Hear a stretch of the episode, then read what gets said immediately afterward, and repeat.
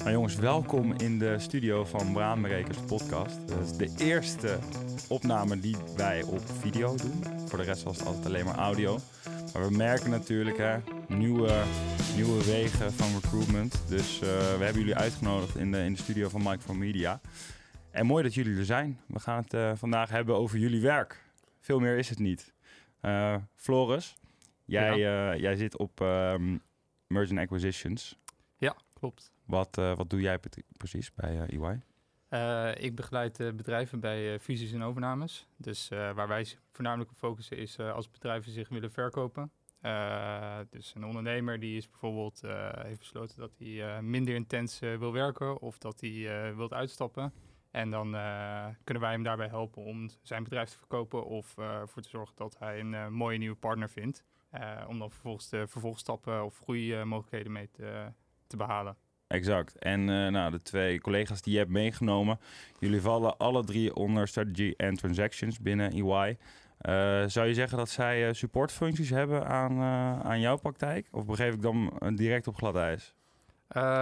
nou, ik denk wel dat zeg maar, elk aspect binnen M&A wordt door alle drie behandeld als het ware. Maar ik denk dat wij zeg maar, bij M&A echt van A tot Z doen. En alle andere dingen die, die zijn nodig om het uiteindelijk een geslaagd proces te zijn. Dus uh, bijvoorbeeld uh, zonder bassenafdeling, dan kunnen veel kopers het überhaupt niet kopen omdat ze uh, schuld op moeten halen om de prijs te behalen. Ja, dus moeten we eerst even van Bas horen wat hij precies doet. Bas, op welke afdeling zit jij? Ja, ik werk bij het Capital and Debt Advisory Team.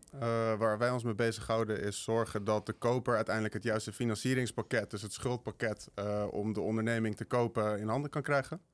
En dan benaderen we bijvoorbeeld banken in Nederland, maar ook buitenlandse banken of schuldfondsen. Dat is een soort van private equity partij, maar dan voor de, de debtkant van het verhaal. Ja. En dan zorgen we dat er gekeken wordt naar uh, wat de onderneming als schuld kan dragen, cashflow-prognoses, dat soort zaken. Um, en dan gaan we vervolgens het schuldpakket dat daarbij hoort ophalen. Um, en dat, dat kan variëren van bijvoorbeeld een, een, een structuur waarbij je wat meer uh, back-ended amortisatie hebt, heet dat. Ja. Dus dat betekent bijvoorbeeld dat je de schuld aan het einde van een looptijd pas, uh, pas helemaal aflost. Uh, als je bijvoorbeeld tussentijds wat, uh, wat overnames wil doen of dat soort zaken. Dus we kijken echt naar de strategie daarbij ook. maar dat kan bijvoorbeeld ook een wat meer aflossende lening zijn. als je bijvoorbeeld tussendoor hele sterke cashflows verwacht en denkt ik wil het gewoon allemaal zo snel mogelijk terugbetalen, dan betaal ik wat minder rente. Maar het is wel zo dat het dus altijd bij uh, op het moment van een M&A-deal uh, van Floris is dat jullie komen kijken. Of is het ook tussendoor, zeg maar, op andere momenten dat jullie in ja, een onderneming instappen? Um, meestal wel tijdens de acquisitie zelf. Ik denk dat dat wel, uh, ja, zeker wel de, meer dan de helft van, van het werk is. Maar wat je soms ook za zag, dat ik denk dat dat nu iets minder het geval is, is in 2021 dat je, weet je, die jaren dan was er heel veel M&A-volume en dan wilde de koper vaak snel handelen. Dus dan betaalde die het volledig met equity, volledig met eigen vermogen. Uh, maar uiteindelijk als je dan kijkt naar, naar het rendement, dan, dan ligt dat wat lager. Um, dus wat ze dan deden is dat ze dan na de transactie, als ze hem helemaal gedraaid hadden uh, en de winnaar waren omdat ze snel door konden komen, dat ze dan vervolgens met een herfinanciering kwamen. Dus dan gingen we gelijk na de deal aan de slag uh, okay. om te zorgen dat er dan een passende financiering in zat. Maar wij hebben ook wel samengewerkt toch met herfinancieringen. Als ze meerdere kleinere acquisities hebben gedaan, dan wordt het samen één groep. En dan gaan ze één keer die hele groep één herfinanciering doen. Ja, uh, ja ik denk dat, dat is een beetje het derde aspect van wat we doen dan inderdaad. Ja, of, uh, of je, je zou het kunnen onderscheiden in acquisitiefinanciering en herfinanciering. Uh, en dat is dat je misschien ongerelateerd aan een M&A-transactie dan, misschien uiteindelijk komt er dan wel eentje bij kijken. dat je echt de hele groep inderdaad in één keer structureert zoals je hem nodig hebt. Oké, okay, Maarten, wat is, wat is dan jouw rol inderdaad? want je zegt, we hebben, we hebben samengewerkt, maar wat is vanuit jouw achtergrond precies de rol bij zo'n M&A-deal? Uh, ik doe financial due diligence. Uh, een saaie term vind ik zelf altijd boekenonderzoek, maar dat is in ja. principe wel wat we doen. Uh, wij gaan kijken naar een bedrijf, kunnen we zowel doen in de, als je in de verkoop gaat, of als, we, als je voor een kopende partij werkt. En dan gaan we echt de afgelopen drie jaar diep in de du cijfers duiken. En dan gaan we echt kijken, wat is het verhaal wat management vertelt? Zien we dat terug in de cijfers? Zitten er rare dingen in? Uh, enerzijds om te begrijpen, hey, waarom is nou die groei zo gekomen? Of, of is dat, uh, is dat uh, solide? Dus is dat echt iets wat voor de toekomst uh, bestendig is? En anderzijds gaan we ook kijken naar de items waar de prijs op bepaalt. Dus heel vaak betaal je een multiple van EBITDA. gaan we kijken wat is nou een sustainable EBITDA? Zitten daar eenmalige kosten en baten in die je eigenlijk helemaal niet mee wil hebben, waar je niet voor wil betalen? Ja. En anderzijds ga je cash en debt free. Dus dan gaan we kijken naar lang, langetermijnleningen. Iedereen begrijpt dat dat debt is. Maar er zit heel veel andere dingen in die ja, schuldgerelateerd zijn waar je niet voor wil betalen als een uh, koper. Een heel makkelijk voorbeeld is bijvoorbeeld een claim.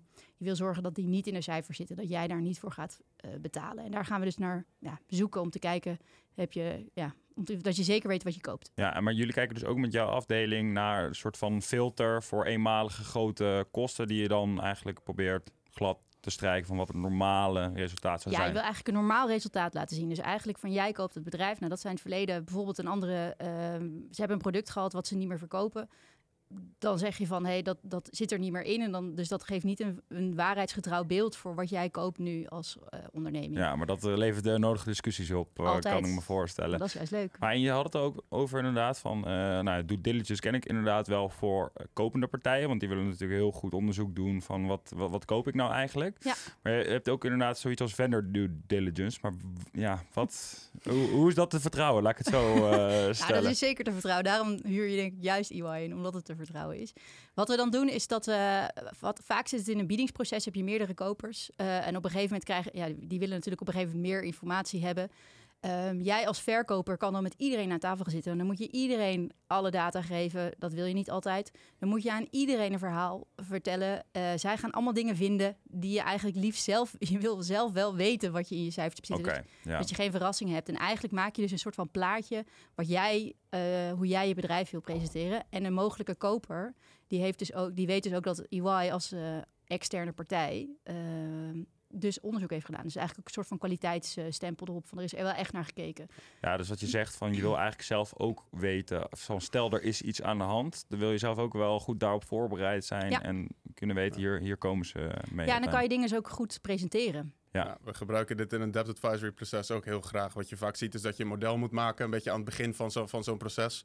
Dat leg je dan bij de banken neer, waarbij je om een bepaalde financieringsstructuur vraagt. En dan kun je met zo'n model laten zien, kijk, het past ook in de cashflows. Ja. Uh, en als je dat kan baseren op wat hardere cijfers uit bijvoorbeeld zo'n vendor due diligence, dan sta je veel sterker in je schoenen dan als je het zo uit, uh, uit de lucht hebt gegrepen, zeg maar. Ja, precies. Oké. Ja, en ik denk dat het ook heel erg belangrijk is, dus dat wij veel met, uh, nou wij als M&A en Debt waarschijnlijk ook met veel ondernemers werken die soms ook niet helemaal verstand hebben van wat er nou eigenlijk gebeurt binnen hun eigen bedrijf. En dat uh, kom je helaas wel vaak tegen. En dan is zo'n vendor due diligence helpt gewoon om het gewoon helemaal glad te trekken. Van oké, okay, nou dit is het uiteindelijk. In plaats van dat je vier Excels krijgt waar alles niet met elkaar klopt. Uh, daar kan jij vast veel meer over meepraten.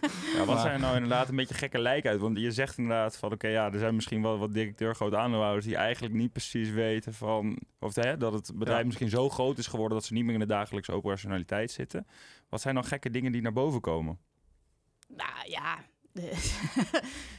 genoeg dingen. Maar ja, wat vooral opvalt is dat je niet elke ondernemer moet wil per se het onderste van de kant weten waarom, de, waarom je zoveel meer omzet haalt. Die denkt, boeien, ik haal toch heel veel meer omzet. Ik heb blije klanten, ik groei, ik doe wat ik leuk vind en ik haal er mijn cash uit. Ja, geef ze ongelijk. Ja. ja. En die is lekker aan het focussen op andere dingen en die werkt er 20 jaar en die vindt het allemaal wel best. En als die het dan gaat verkopen, ja, dan komt er een private equity partij en die denkt, ja, hé hey, jongen, waarom heb jij een marge van 60% en het jaar daarna 70? Leg het maar eens uit. Waarom zit daar, waarom verdien je daar zoveel aan en, en daar maar zoveel? En dan zit heel vaak een verkoper hem echt aan te kijken van, ja, weet ik veel.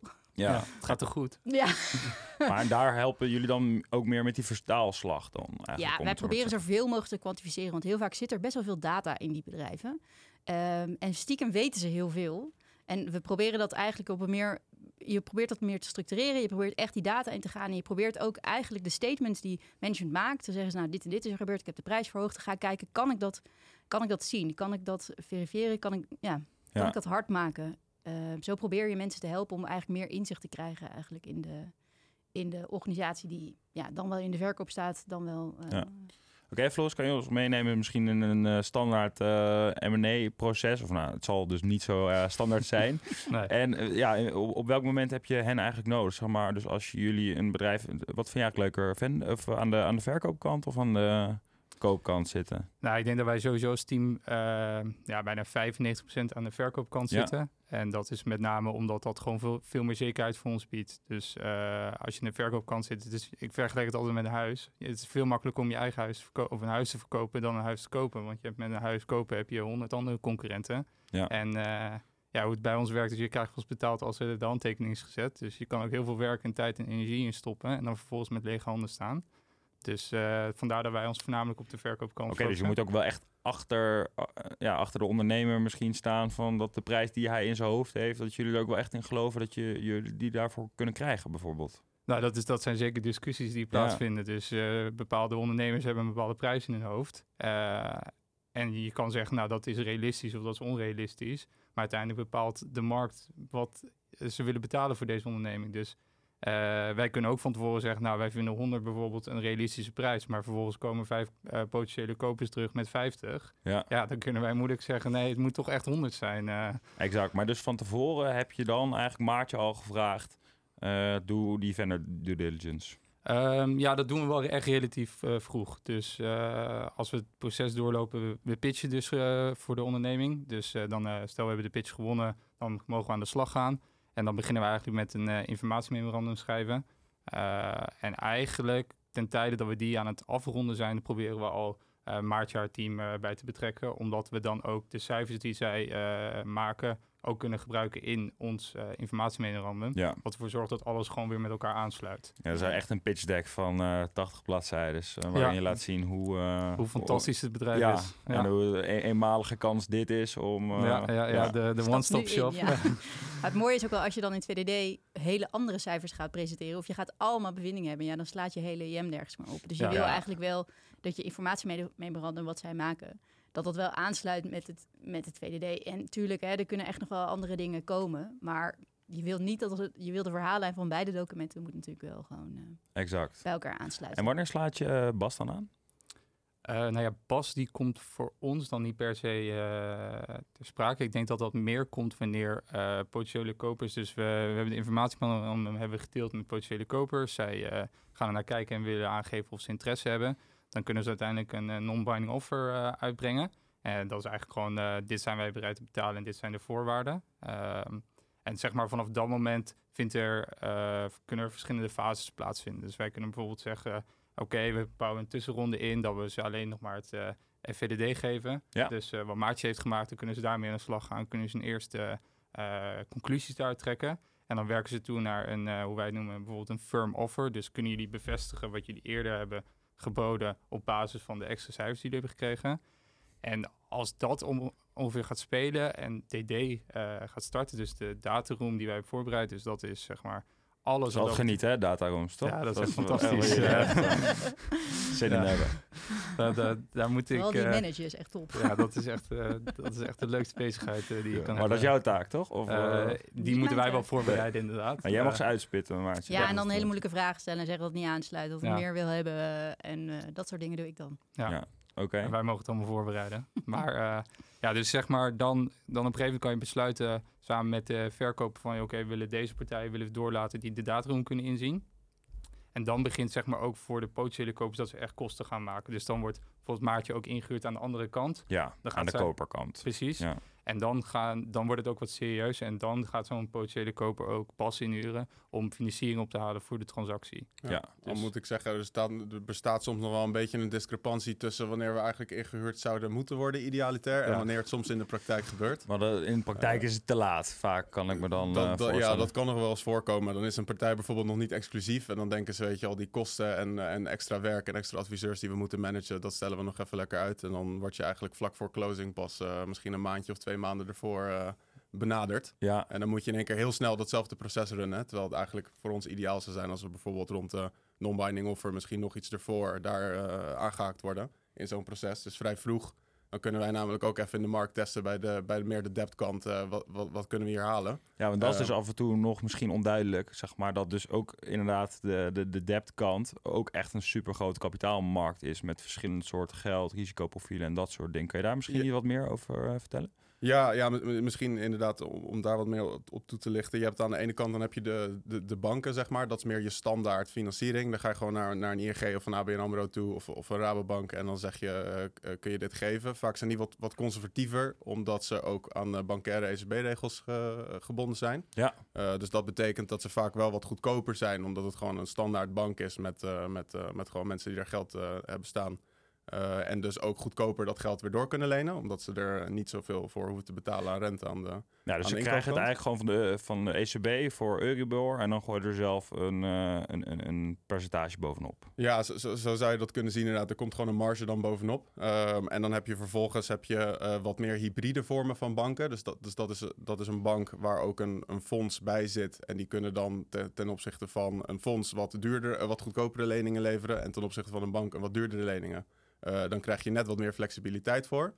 Um, en dan heb je aan de, aan de wat duurdere kant heb je echt de fondsen. Ja. Uh, en de fondsen die leveren voor, ja, voor wat meer de, de echt duurste prijs als je vergelijkt met de rest van de, van de partijen uh, leningen. Dus een hoge rente eigenlijk, ja. om het simpel te zeggen. Ja, hoge, hoge marges. Ja, en dan krijg je vervolgens ook de meeste flexibiliteit voor terug. Um, en dat is altijd een beetje een afweging, wat heb je nodig? Uh, want soms wil je gewoon een, een, een, bedrijfsplan doorzetten die eigenlijk niet zo heel veel verandering of buy and build teweeg brengt. Um, en dan heb je ook niet het duurste product nodig, want je kunt gewoon met je standaard bankfinanciering voldoende flexibiliteit vinden om je businessplan uit te voeren. Uh, maar soms heb je ook bijvoorbeeld private equity die zo'n platform koopt, dus een wat groter bedrijf, en dan gaan ze daar add-ons bij voegen. Ja. Uh, wat je dan bij zo'n fonds wat meer ziet, is die geeft je gewoon heel veel flexibiliteit om ook die uh, add-ons te blijven debt funden. Dus met nog meer debt die, die add-ons te blijven doen, waardoor je zelf heel weinig hoeft in te leggen. Ja. en dat geeft je dus heel veel flexibiliteit om heel veel rendement te halen met heel weinig geld. Maar daar betaal je natuurlijk dan ook wel een, hogere, ja, een hogere leverage. Uh, en daar betaal je dan ook gewoon wel een, een, prijs voor uiteindelijk. Want ze hebben natuurlijk ook wel een ander risicoprofiel dat op zo'n onderneming hangt dan, uh, dan als je hem wel lager houdt. Exact. Dus kunnen we dan zeggen eigenlijk dat de, de, de kopers van Floris dan uh, de, de equity-markt eigenlijk is en dat jij de, de debt-kant van het hele verhaal Ja, zo zou je dat kunnen zien. Ja, als, als, de, als private equity is wel. Je hebt natuurlijk ook strategen die vaak in de processen van Floris voor zullen komen. ja, die, en die... strategen, hoe, hoe zien we dat? Dus private equity is inderdaad, kopen ze het vaak voor een fonds en een stratege is een ander soort koper, hè? Gewoon een concurrent. Ja, ja. Ja. Exact. Dus als je een sportmerk hebt, dan is uh, Nike strateeg. En dan is een private equity uh, meer financiële echte sponsor die dat uh, zou kopen. Ja, dus als Adidas Nike koopt, dan is Adidas de strategische koper, om het zo maar te zeggen. Maar je snapt natuurlijk als Adidas Nike koopt, dat Nike niet het achter van de tong laat zien. Want als, als ze dan zeggen, hey, jongens, we gaan toch niet door met de deal, dan willen ze natuurlijk alle geheimen wel zelf hebben gehouden. Dus ja. als je met een stratege te maken hebt, dan heb je toch altijd wel te maken met gevoeligheid, met informatie vrijgeven en ik kan me voorstellen, ja, ja, ja, ja. Zou dat ooit gebeuren, jongens? De, een gekke Nike Adidas deal misschien? Uh, Ach, joh, alles merged. Ja, ja, uiteindelijk wel, toch? Uiteindelijk komt alles weer bij elkaar. In Nederland, nee, exact. Maar dan heb je op een gegeven moment wel te maken met, uh, met de ACM, toch? Dus dan uh, doen jullie dat, begeleiden jullie dat soort processen ook? Of schuiven we dat meer door naar de advocaten? Wij niet, maar binnen EY kan ik me haast niet voorstellen dat we dat niet in huis hebben. Ja, volgens mij doet HVG dat wel. Maar ik denk uh, voor de meeste deals die wij doen, komt het niet superveel voor. Daarvoor zijn ze vaak iets te klein. Of dan is bij een, een melding voldoende en dan wordt er niet een heel onderzoek in. Uh, uh, we zeggen dat ingezet. Oké, okay. nou, ja, ik denk dat we wel een duidelijk beeld hebben in ieder geval hoe, hoe jullie werkzaamheden eruit zien. Uh, nou, je zit hier zo met, met drie collega's bij elkaar. Zeg maar, hoe zou je misschien denk ik, kijk, ik kan me best wel voorstellen dat in zo'n M&A-deal de spanning best wel hoog op kunnen lopen. Dus uh, een, bedrijf dat verkocht wordt, daar staat alles natuurlijk best wel op scherm. Misschien wel het belangrijkste moment van het bedrijf. Op dat moment moet het het, meeste waard zijn. Moet je daarin ook een beetje, ja, trekt dat bepaalde persoonlijkheden aan misschien bij jullie, uh, bij jullie werk? Zou je mensen op die manier kunnen omschrijven? Dit is een ja, denk ik. Geef daar maar een antwoord op. nee, ik, ik, ja, nou, wat voor soort mensen ben je op zoek? Want uh, ja, ik zou niet... Kijk, uh, vooral denk ik met M&A wordt geassocieerd een beetje haantjesgedrag. En dat is nou niet per se wat ik uh, associeer bij, bij ons team in ieder geval. En dan neem ik Bas ook even mee, want wij worden gezien als één team. Ja. Maar ik denk dat wij daar misschien anders zijn dan andere plekken. Het is niet ehm, ja, je, je, hebt op, uh, je hebt online allemaal van die memes en zo. Dat, uh, van het investment banking of in Londen of in New York. En dat is bij ons echt absoluut niet het geval, uh, nee, denk ik. Exact. ik denk uiteindelijk, je, je hebt natuurlijk wel een, een, soort van selectie. En M&A blijft een commercieel vak. debt advisor is misschien net wat technischer. Maar je bent ook best wel wat in gesprek met, met lenders aan het onderhandelen. veel met klanten aan het bellen. Je hebt heel vroeg, vroeg bij ons klantcontact. Um, dus je moet ook wel een stukje sociale skills hebben om daarin uh, in, te, in, terecht te kunnen. Ja. Um, dus ik denk dat je qua dat wel wat types hebt die misschien wat meer op elkaar lijken en ook sociaal wat meer extravert zijn. Uh, maar ik zou niet zeggen dat iedereen dezelfde persoonlijkheid heeft of, of dat het allemaal alfamannen zijn. Uh, nee, nee, nee, dat hadden we ook niet wat verwacht. tussen. Ja. exact, ja. En der. Daar heb je het al. Nee, maar zou je dus inderdaad misschien wel kunnen zeggen dat, nou ja, uh, laten we zeggen, M&A bij een bedrijf als EY misschien dus inderdaad anders wordt ingestoken dan bij een, een bank of een andere boutique-achtige partij? Nee, ik denk dat het gewoon voornamelijk ligt aan ook de type klanten die we hebben. Dus eh, dat zijn vaak ondernemers. Dus je moet ook op een bepaalde manier met ze kunnen levelen en kunnen begrijpen. En uh, ik denk dat EY als organisatie gewoon wat relaxer daar allemaal is. En het is iets minder, uh, ja, wat ik zei, haantjesgedrag. En wij zitten gewoon op een afdeling met, wat is het, vier, vijf andere teams. Dus het is ook niet zo dat we afgesloten zijn en dat we alleen maar in onszelf blijven geloven. Maar je hebt genoeg interactie met andere mensen. Ja. Dus ik bedoel, Maartje, zijn we, liep, liep eerder vandaag ook gewoon zeg maar, onze hoek binnen. Dus ja. je hebt genoeg interactie om uh, in ieder geval niet te veel in jezelf te gaan geloven, zoals uh, sommige mensen soms zeggen. Nee, oké, dus je wordt wel op tijd teruggefloten. Ja, het zijn ook veel di verschillende disciplines hè, die je binnen st uh, strategy en transactions doet. Je hebt dus de M&A-hoek, je hebt de, de due diligence-hoek, die wij dan doen. Ja. Maar je hebt ook een hele grote strategieclub. Er zijn vaak langere opdrachten en een hele ander type de mensen, denk ik, die dat, die, die dat doet. Een hele andere type opdracht. Een hele grote vastgoedclub. Er zijn ook wat valuation mannen die echt dingen in Excel kunnen waarvan je echt uh, geen idee heb wat ze aan nee. doen zijn, maar de uitkomst Excel is fantastisch. ja. Echt, ja. Oké. dus het is uh, wat dat betreft heel divers, omdat ook alle afdelingen hele andere disciplines hebben. Die ja. ook hele andere vaardigheden uh, vereisen. Ik denk ook als je bijvoorbeeld gaat kijken naar onze afdeling, dan ja, wij duiken wel echt die boeken in. Dus als je dat niet leuk vindt, is het wel lastig. Dus je moet wel ervan houden om er echt in te duiken, om er echt in vast te bijten. En ook als management je een verklaring geeft en niet zegt, oh dankjewel, maar dat je dan gaat kijken, oké, Klopt dat? Als jij dit zegt, dan moet ik ook dat. En, en, en zie ik dat terug. En, dus je moet er wel echt van houden om er lekker in vast te bijten. En, um... Dossiervreter misschien wel uh, kunnen zijn. Oké. Okay. En um, stel je voor, inderdaad, strategy en transactions spreekt je aan. Solliciteer je dan bij jullie eigenlijk direct op dus een, een afdeling uh, bij jullie? Of is dat op een bredere manier dat je even een kijkje kan nemen? Ja, nou, volgens mij start je vaak wel op een afdeling. Um, maar wat je, wat je wel merkt, is dat er nu een TGP-programma is. En dan moet ik heel even spieken naar mijn buren wat de afkorting daarvoor... Uh... Ja, volgens mij is het zelf ja, tegenwoordig STGP. Oh, maar, uh... Strategy and Transactions Graduate Program staat het voor. Ja. Kijk. ik denk wat wij net wat anders doen dan, dan andere Big Fours, dat zij een traineeship hebben, waar je meerdere afdelingen langs gaat. Bij ons start je bij één afdeling en dan ben je wel gelijk volwaardig consultant. krijg je ook meteen een volwaardig consultant salaris. Dat is wel het voordeel. En dan moet je zelf je eigen rotaties vervolgens in gang gaan zetten. Dan kun je, je bijvoorbeeld zeggen, als je dat wil, dat is niet een verplichting. Ja. Uh, maar als je dat leuk vindt, dan start je bij één afdeling. Dan doe je daar bijvoorbeeld een jaar werken. Zodat je echt wel een beetje een specialist, voor zover dat kan in een jaar al bent, in één gebied. En dan kun je dan bijvoorbeeld periodes van zes maanden zeggen, ik wil nog even daar en daar langs. Om te kijken of ik wel echt perfect op mijn plek zit. Exact. en bij een traineeship ga je eigenlijk altijd uh, roteren, om het zo maar te zeggen. En hier is het meer van als ik nog een kijkje bij de buren ondernemen. Dan, dan is het verplicht, ja. En dan ben je eigenlijk anderhalf jaar inderdaad aan het roteren ten opzichte van misschien de helft van het salaris van wat je voor een consultant krijgt. Dus, uh... Oké, oké. ja, dat is misschien. Uh, ja, en als je het al weet, dan is het ook lekker om te beginnen waar je wil beginnen.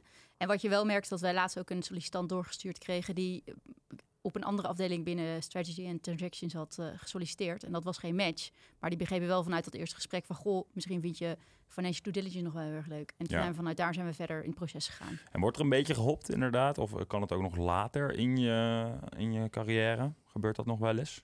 Ja, ja zeker. Ja, ja ik zou, er wordt inderdaad, ja, sommige mensen die zitten bijvoorbeeld dan twee jaar bij hun eigen afdeling. En dan uh, kijken ze dan even om zich heen uh, of het nog wat kan worden. Uh, we hebben bijvoorbeeld ook een collega nu die net promotie heeft gekregen. En die gebruikt nu even de kans om, nu die die promotie binnen heeft, om even een half jaar ergens anders te kijken. Ja, ja, ja. Um, dus dat, en ja. dan weer met de staart tussen de benen, omdat het gras toch niet groener is aan de overkant. exact, ja. Heb je maar er zijn ook mensen die blijven. Dus er zijn ook echt mensen okay. die overstappen en, en daar echt beter op hun plek zitten. Dus dat is dan win-win. Hou je mensen wel binnen de organisatie. Dat is natuurlijk wel. Uh, dat is voordelig. Wat je wil. Nou, nou heel ja. goed. Nou, dan gaan we direct uh, naar onze vaste rubriek toe, uh, de concrete cijfers. Want dat is ook vaak, nou ja, goed, als we het hebben over mensen binnen de organisatie houden, hoe we ze binnen krijgen. Ehm, nou, de eerste vraag is daar, hoe veel uur werken jullie in de week? Nou ja, Het is uh, bij ons in ieder geval, denk ik, en ik spreek voor allemaal aardig projectmatig. Dus uh, je kan echt pieken hebben, maar je kan ook echt uh, om half zes, zes uur gewoon naar huis gaan en dat je de rest van de avond niks meer hoeft te doen. Maar ja, er zijn natuurlijk ook gewoon momenten dat iets af moet. En dan, ja, dan moet je gewoon knallen. dus ja, daarin varieert het gewoon heel erg. Maar dat betekent niet dat uh, als je het over een heel jaar trekt, dan zal het op zich wel meevallen. Maar uh, je hebt wel gewoon die momenten dat je wel echt uh, tot laat werkt. Ja, ja en, en dat zijn momenten dat, ik kan me voorstellen, dus als er biedingen binnen moeten komen, of juist dus een IM waar je het over had, dat dat af moet. Ja. er nog andere momenten dat het even stressvol is? Nou ja, het is gewoon meestal deadlines die gecreëerd worden. En vaak zijn het onrealistische deadlines. Okay, maar ja, ja. Moet, de klant is koning. Kerst. Ja. ja. voor kerst is een eentje. Maar ja, meestal, uh, ja, soms kan de klant gewoon, ja, zoals ik eerder zei, het zijn vaak ondernemers en die kunnen gewoon roepen, nou, ik wil het dan af hebben. Ja, dan, uh, dan wordt er niet vaak gezegd, nee, dat is niet, uh, dat is niet haalbaar. En dan is het met z'n allen rennen. Maar ja. ik denk dat dat het allerbelangrijkste is, is dat het ook echt met z'n allen is. Dus met je projectteam doe je dat dan samen. Dus het is niet zo dat je dan in je eentje daar nog zit in het donker uh, keihard door te werken. Dus dat, uh, dat maakt het ook wel erg leuk dat je gewoon met z'n allen de schouders onderzet en gewoon denkt, nou ja, dan laten we het ook maar afmaken nu. Oké. En hoeveel uur is het dan? Ja, kijk, dat durf ik, is heel lastig. Uh, over het gemiddelde mo ja, ik ook ja. wel nu. Ja, ja. zeker. Ja, misschien als, als, als voorbeeld, Floris en ik, die hadden dit, uh, dit voorjaar allebei best druk toevallig. En toen hadden we ook een aantal projecten samen. En dan hadden we bijvoorbeeld één klant die heel erg erbovenop zat. Die wilde het per se nu, nu, nu af hebben allemaal. Dus dan, dan hadden we bijvoorbeeld dat, dat Floris dan de, de nachtshift neemt, om het even zo te zeggen. En dan van, uh, van 12 tot 1 was hij dan degene die alle e-mails beantwoordde. En dan zorgde ik dat er om 7 uur weer, weer iemand exact. stond dat we er altijd bovenop zaten. Uh, dus ja, je hebt, je hebt dat soort dagen. Dan heb je gewoon echt hele lange weken, zoals je met die, uh, met die uren hoort. Er zijn natuurlijk altijd mensen in investment banking die, uh, die dat kinderspel het vinden. Het kan nog steeds gekker, ja. En ik denk dat dat ook de balans bij ons is. Want in de zomer heb je dan soms bijvoorbeeld weer wat rustiger als er mensen op vakantie zijn en iedereen die deal over de zomer heen tilt. Ja. En dan heb ik soms ook bijvoorbeeld als, als het mooi weer is en het waait. Ik hou dan van kitesurfen. Dan ga ik gewoon om, om drie uur naar het strand bijvoorbeeld. Ja. Dat, dat kan dan ook. Dat is ook wel lekker inderdaad. Dus het is uh, knallen als het moet. Maar anders dan mag je ook uh, ja. wel een keer weg. Oké, okay, nou de tweede vraag uh, is misschien nog wel belangrijker. Want hoeveel vakantiedagen krijgen we daarvoor terug bij jullie?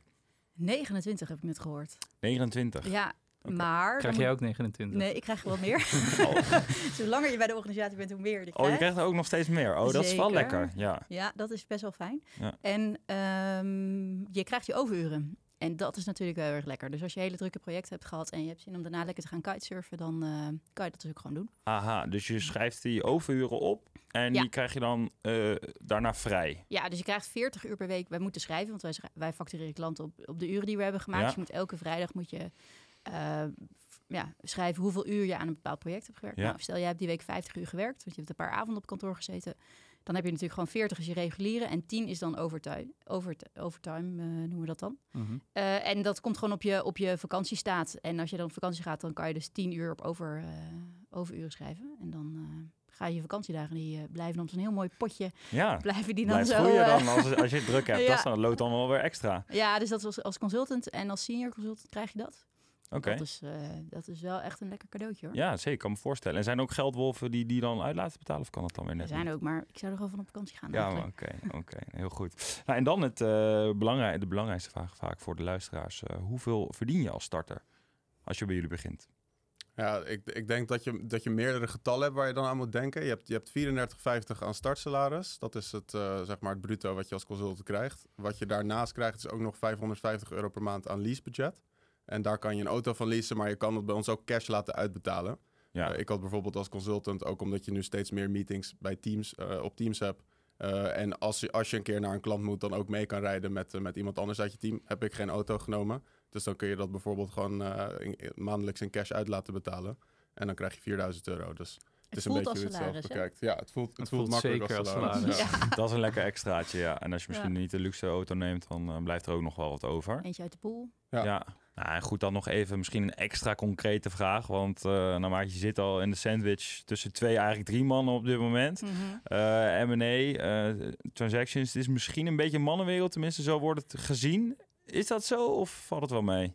Nou, ik denk nog wel, als je zegt zijn het meer vrouwen of meer mannen, het zijn wel meer mannen. Maar ik denk wel, toen ik tien jaar geleden begon, Toen waren het echt bijna alleen nog maar mannen. Ja, Eh, en ook alleen nog maar witte mannen waarvan je soms heel veel moeite had om ze uit elkaar te houden. Dat is echt niet meer het geval. En dat is wel eh, echt een leuke team, is echt steeds diverser. Meer vrouwen. Eh, ook meer vrouwen, niet alleen maar op de, op, eh, bij starters, maar juist ook eh, wat hogerop. Eh, wat goed is voor de diversiteit, maar überhaupt wat diverser is het. eh, meer achtergronden, meer. Eh, is wat meer een mix. En dat vind ik zelf wel een hele leuke ontwikkeling. maar goed, stel je zit dit te kijken en je denkt, nou, dit lijkt me wel eigenlijk een leuke club om erbij aan te sluiten. Waar kan je je dan het beste melden? Eh, werken bij EY.nl is de website waar de vacatures op staan. Eh, en daarnaast hebben we ook allemaal in-house dagen, ehm, allemaal events waar je je voor in zou kunnen schrijven. Dat is ook een makkelijke manier om een kijkje in de keuken te nemen. ehm, en, eh, en mensen van, van bepaalde teams te spreken. Ehm, en vanaf daar zou je, zou je het verder kunnen pakken. Oké, heel goed. En eh, nog wel informele manier inderdaad om eh, met jullie in contact te komen verder. LinkedIn mag altijd. Oké. Eh, Pas op wat je zegt, hè, want er kijken al duizenden mensen nu. ja, dus dan, dat, is eh, waar, dat is waar. Die mannen zou dan. Ja, oké, heel goed. Oké, dus dan kunnen ze via die manieren eh, contact met jullie opnemen. Ik wil jullie bedanken om eh, hier in de studio aanwezig te zijn. En eh, nou, we gaan nog veel van jullie horen, denk ik. Dankjewel. Dankjewel. Dankjewel.